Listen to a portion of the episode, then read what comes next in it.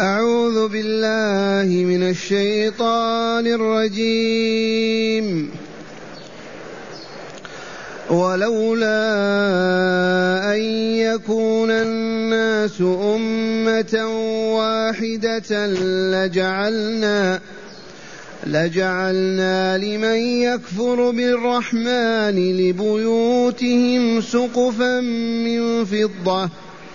ومعارج عليها يظهرون ولبيوتهم أبوابا وسررا عليها يتكئون وزخرفا وإن كل ذلك لما متاع الحياة الدنيا والآخرة عند ربك للمتقين. أحسنت.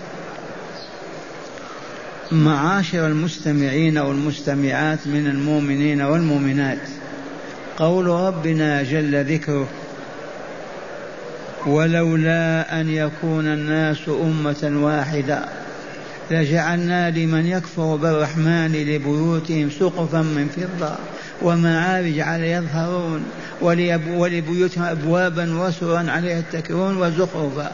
وإن كل ذلك لما متاع الحياة الدنيا. في الآيات التي تدارسناها بالأمس علمنا الحق عز وجل أنه لو أنه أعطى الكافرين هذه الدنيا ومتعهم فيها؟ مرة ثانية أعوذ بالله من الشيطان الرجيم. أقول تقدم في الآيات السابقة الحكمة في وجود فقير وغني ومريض وصحيح وفاضل وناقص.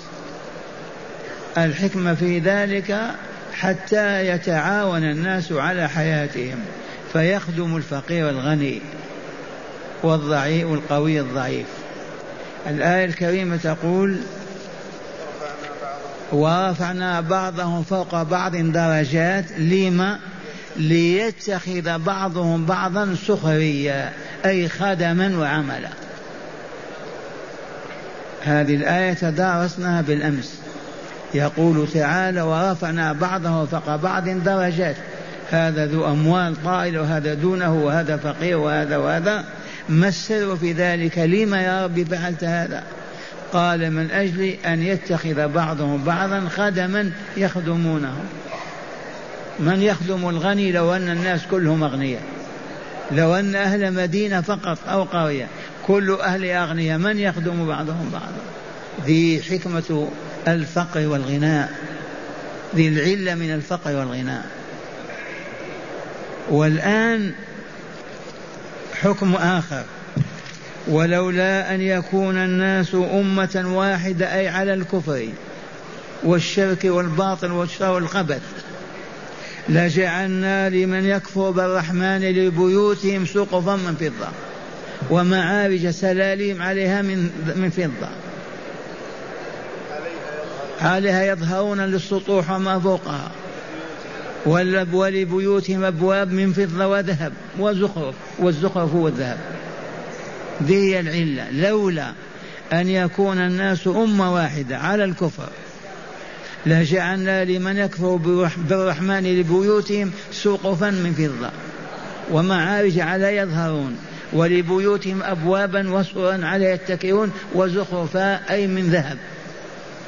إن كل ذلك لما متاع الحياة الدنيا. بالأمس عرفنا السر في وجود الغنى والفقر وإلا لا والآن عرفنا تدبير الله عز وجل رحمة بعباده. لو أغنى الفقراء الكفار كلهم وأصبحوا أغنياء لما آمن المسلمون لا دخلوا معهم في الكفر ولا استجابوا لدعوتهم. ولولا أن يكون الناس أمة واحدة أي على الكفر لجعلنا لمن يكفر بالرحمن جل جلاله وعظم سلطانه ويشرك به لجعلنا لبيوتهم سقفا من فضة السقف من فضة. ولبيوتهم أبوابا من فضة وسورا أسرة عليه يتكئون من فضة وذهب؟ وزخرفا والزخرف هو الذهب. وإن كل ذلك لما متاع الحياة الدنيا. إذا إليكم ما قال الحبيب صلى الله عليه وسلم. يقول صلى الله عليه وسلم لو كانت الدنيا تساوي عند الله جناح بعوضة لما سقى الكافر منها شربة ماء. لو كانت الدنيا بما فيها تعدل عند الله عز وجل جناح بعوضة. لما سقى الكافر منها شربة ماء. أبدا. لأنه يكره الكافرين ويكره وجودهم وكيف يمتعهم. لكن الابتلاء في الدنيا والجزاء في الآخرة.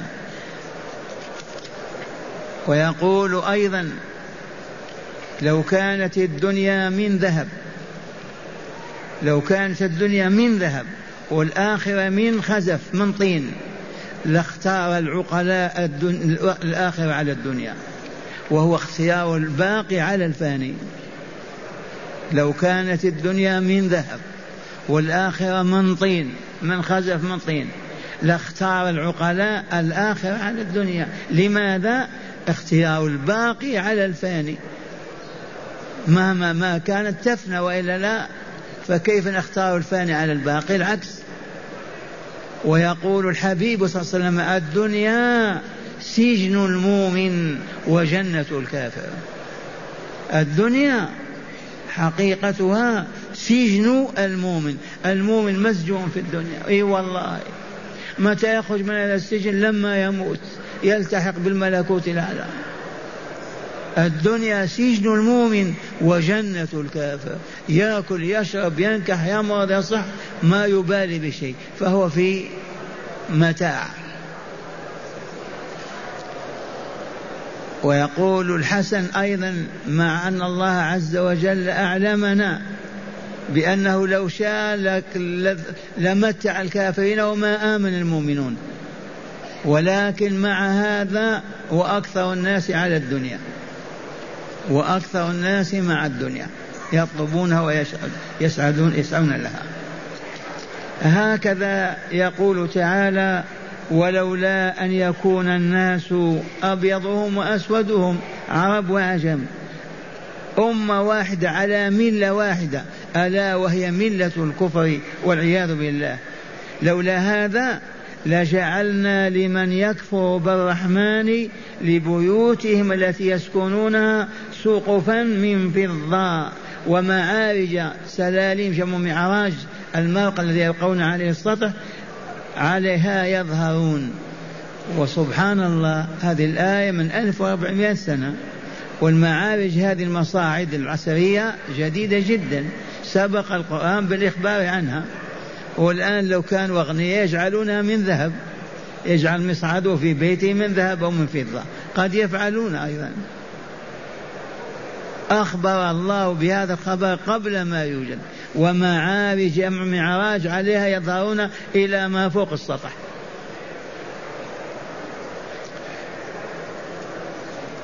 وسرور عليها يتكئون وزخرفا والزخرف في اللغة العربية الذهب. أي يجعل هذه المباني والبيوت والسقوف والمعارج بعضها من ذهب وبعضها من فضة ليكون أجمل وأحسن. ثم قال تعالى كل ذلك متاع الحياة الدنيا. كل هذا الذي سمعتم من معارج الذهب وأسرة الذهب والفضة والسقوف والبيوت والأبواب كل ذلك متاع الحياة الدنيا.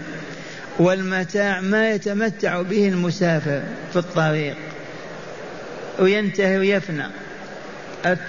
المتاع ما يتمتع به فترة من الزمن وينتهي وينقضي.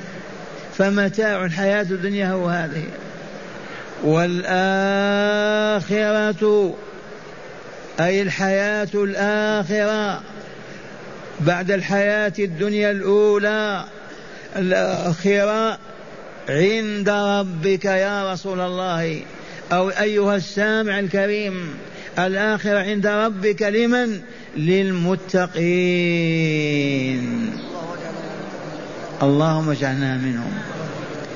فهيا بنا نشرح كلمة المتقين. المتقون جمع متق من هو المتقي هذا؟ ماذا يلبس؟ كيف يتقي؟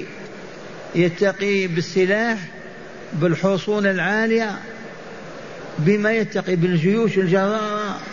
بما يتقى الله. هذا هو السؤال. بما يتقى الله عز وجل أي بما يتقى عذاب الله وسخط الله وغضبه بأي شيء بالأموال بالرجال. بماذا؟ الجواب واحد. ألا وهو بالإيمان الصحيح والعمل الصالح. مع الابتعاد عن الشرك والكفر والفسق والفجور. لو قيل لك بما يتقى الله بأي شيء يرحمك الله؟ الجواب تقول يتقى بالإيمان به وبطاعته وطاعة رسوله إي والله ما يتقى الله إلا بهذا. لا بجيش ولا بأمة ولا سلاح ولا مال. يتقى بالإيمان وصالح الأعمال. وبالبعد عن الشرك والفسق والفجور. ومن ثم تبقى النفس نقية طاهرة مشرقة كأرواح الملائكة. هذه النفس يرضى الله عنها ويرضيها وينزلها بجواره في الجنة. دار السلام. والآخرة عند ربك يا أيها السامع لمن؟ قولوا. للمتقين لا تقل الأشراف ولا الأغنياء ولا لفلان وفلان. للمتقين الذين اتقوا ربهم ما عصوا ما كفروا به ما كذبوه ما فسقوا عن أمره ما خرجوا عن طاعته. هم الذين اتقوا غضب الله وسخطه والآخرة لهم. أي الجنة هي دارهم. الجنة دار الأبرار. الجنة دار السلام. وقد عرفها الله لنا وبينها في آيات من كتابه. عرفنا حورها وقصورها وأنهارها ونعيمها وزاد فوق ذلك أخذ رسولنا وعرج به إليها فرآها بعينيه وشاهدها مشاهدة العيان حورها وقصورها وأنهارها. الجنة. الجنة دار من؟ المتقين. تلك الجنة التي أورثتموها بما كنتم تتقون. وسلوا ما السر في ذلك؟ السر في ذلك هو أن الإيمان والعمل الصالح عملية تطهر النفس البشرية وتزكيها وتطيبها وتطهرها. والله العظيم. كما أن الماء الطيب والصابون الصالح ينظفان الجسم والثوب والبدن. كذلك الإيمان الصحيح. لا مجرد دعوة إيمان. الإيمان الحق. والعمل الصالح مهمتهما. تزكية النفس وتطهيرها. حتى تصبح طيبة طاهرة. وإن قلت كيف نعرف النفس زكت وطابت وطهرت؟ قل لنا يرحمك الله. أو ما تعرف النفس إذا زكت وطابت ما تطهر. ما تعرف. والله تعرف. كيف تعرف؟ إذا رأيتك أو رأيت أخاك رأيت غيرك لا يغشى الذنوب لا يرتكب المعاصي لا يفعل الأعاجيب.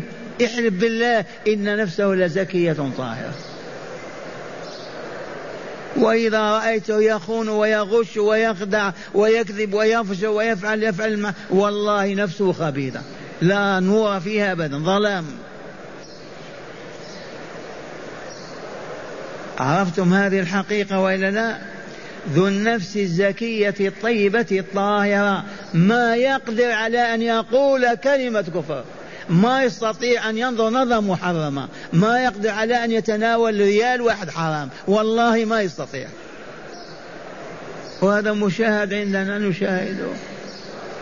والذين يخشون الذنوب ويتخبطون فيها كيف حال نفوسهم؟ إنها يا شيخ والله مظلمة. عافنة منتنة بسبب ماذا؟ ماذا صبوا عليها أطنان الذنوب والآثام من الكفر والشرك إلى المعاصي. وهذا حكم الله تعالى الذي ما يغيب عن أذهان المؤمنين والمؤمنات أقسم عليه بأعظم إقسام قد أفلح من زكاها وقد خاب من دساها. من يرد على الله؟ أفلح فاز نجا من النار ودخل الجنة مع الأبرار. من هذا؟ الذي زكى نفسه أي طيبها وطهرها. فأصبحت كأرواح الملائكة نورا مشرقا. وقد عرفتم أننا نعرف ذلك فينا وإلا لا؟ نعرف ذلك. ذو النفس الخبيثة معروف عندنا ذو النفس الطيبة معروف عندنا. آثارها تدل عليها. آثارها تدل عليها. طابت أو طهرت خبثت أو تعفنت. معشر المستمعين والمستمعات كيف نحصل على الإيمان والتقوى؟ الجواب نحصل على ذلك بالعلم. نحصل على ذلك بالعلم. واسمعوا قول الرب تعالى إنما يخشى الله من عباده العلماء. الذي ما يعرف كيف يتقي الله كيف يتقيه مستحيل. لا بد وأن تعرف كيف تتقي الله وبما تتقي. هذا يحصل بالمنام وإلا بالأنساب. والقبائل لن يحصل هذا إلا بالعلم. فلهذا أعلنها رسول صلى الله عليه وسلم طلب العلم فريضة على كل مسلم. طلب العلم فريضة على كل مسلم. وخلاصة هذه الكلمة معشر الأبناء أنك أولا تقوي إيمانك بربك. أنت شهدت أن لا إله إلا الله. كيف علمت أنه لا إله إلا الله؟ تقول لأن رسول الله أخبرنا. لأن الملائكة شهدوا بهذه الشهادة. لأن الله عز وجل شهد أنا مع شهادة الله وملائكته ورسله. ولنعم هذه. إذ قال تعالى من سورة آل عمران المدنية شهد الله أنه لا إله إلا هو والملائكة شهدوا أن لا إله هو وأولو العلم شهدوا أن لا إله هو. وأنت تقول أنا أشهد بما شهد الله به وشهد به ملائكته ورسله وأهل العلم من عباده. هذه اللطيفة تساوي الدنيا وما فيها. لمن فهمها ووعيها. أنت كيف تشهد أن لا إله إلا الله؟ ما دليلك ما علمك؟ تقول أنا نظرت إلى الكون فعلمت أن هذا الكون مكون وأن له مكون. هذا المكون هو الله الذي لا إله إلا هو. نظرت إلى ذرات الكون. تتجلى فيها العلوم والمعارف والحكم. من وهبني سمعي من وهبني بصري من جعلني كذا من وهبني طعامي وشرابي لا بد من واهب. ألا وهو الله. آمنت أنه لا إله إلا هو. بالعلم والذي قلت لكم أخيرا بسهولة. سمعنا الله تعالى يقول شهد الله أنه لا إله إلا هو. أنا أشهد بما شهد الله به وإلا لا. أنا أشهد بما شهد أخي هذا. أنت كيف عرفت فلان سرق نقول أشهد بمشاهدة فلان؟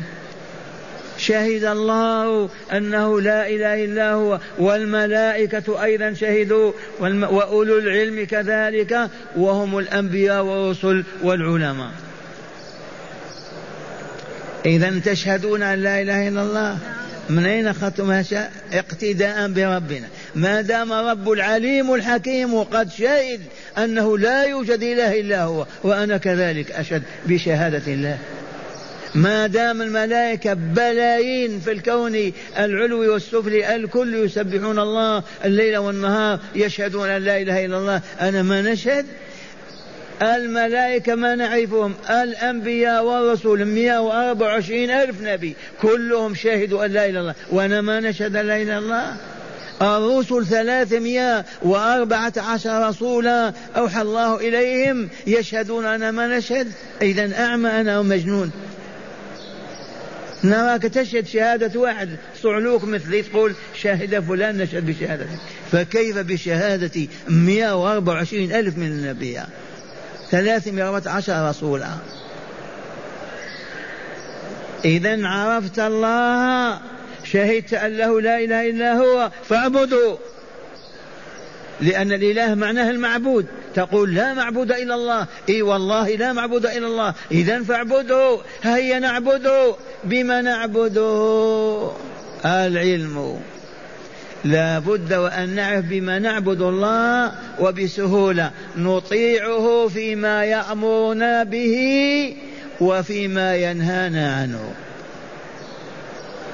نطيع الله نعبده بما يأمرنا بفعله نفعله. وبما ينهانا عن فعله نتركه. وبذلك نكون عابدين لله عز وجل. كيفيات العبادة تحتاج إلى علم. أمرك الله إذا قمت إلى الصلاة أن تتوضأ. لابد تعرف كيف تتوضأ. إذا أجنبت لابد تعرف كيف تغتسل وبين ذلك في كتابه وشرح وبينه الرسول صلى الله عليه وسلم. إذا فلا بد من العلم. ومن أجل ذلك نحن جالسون. نطلب العلم. نتعلم. والله تعالى نسأل أن يعلمنا وينفعنا بما يعلمنا. والآن مع هداية الآيات. بسم الله والحمد لله والصلاة والسلام على خير خلق الله سيدنا ونبينا محمد وعلى آله وصحبه. من هداية هذه الآيات أولا الميل إلى الدنيا وطلب متاعها فطري في الإنسان فلذا لو أعطيها الكافر بكفره لمال إليها كل الناس فطلبوها بالكفر. يقول في هداية الآيات أن حب الدنيا فطري غريزة في الإنسان. فطرته تجعله يرغب في الطعام والشراب والنكاح واللباس. أليس كذلك غريزة؟ فمن هنا لولا أن الله عز وجل حفظنا وأبعدنا عن هذه الدنيا الوسقة لكنا مع الكافرين. نطلبها كما يطلبونها. لكننا عرفنا قيمتها فلذا لا نطلب منها إلا ما يسد حاجتنا فقط. أما ما يفيض ويزيد لسنا في حاجة إليه أبدا. نعم. ثانيا هوان الدنيا على الله وعدم الاكتراث بها إذ قال رسول الله صلى الله عليه وسلم لو كانت الدنيا تعدل عند الله جناح بعوضة ما سقى كافرا منها شربة ماء. أي والله. ما أهونها ما أحقرها ما أوسخها هذه الدنيا. لو كانت عند الله تساوي جنوح جناح بعوضة لما أعطاها الكافر لما سقى الكافر شربة ماء لأنه يكرهه وكفر به. نعم. وفي صحيح مسلم الدنيا سجن المؤمن وجنة الكافر. الدنيا سجن المؤمن وشهادة الك... و... وجنة الكافر. بينت لكم فالمؤمن بالنسبة إلى ما يستقبله من النعيم المقيم هو في الدنيا مسجون. ما يرفع سجنه لما مات روحه تخرج روحه إلى الملكوت الأعلى والله إن الدنيا لسجن المؤمن.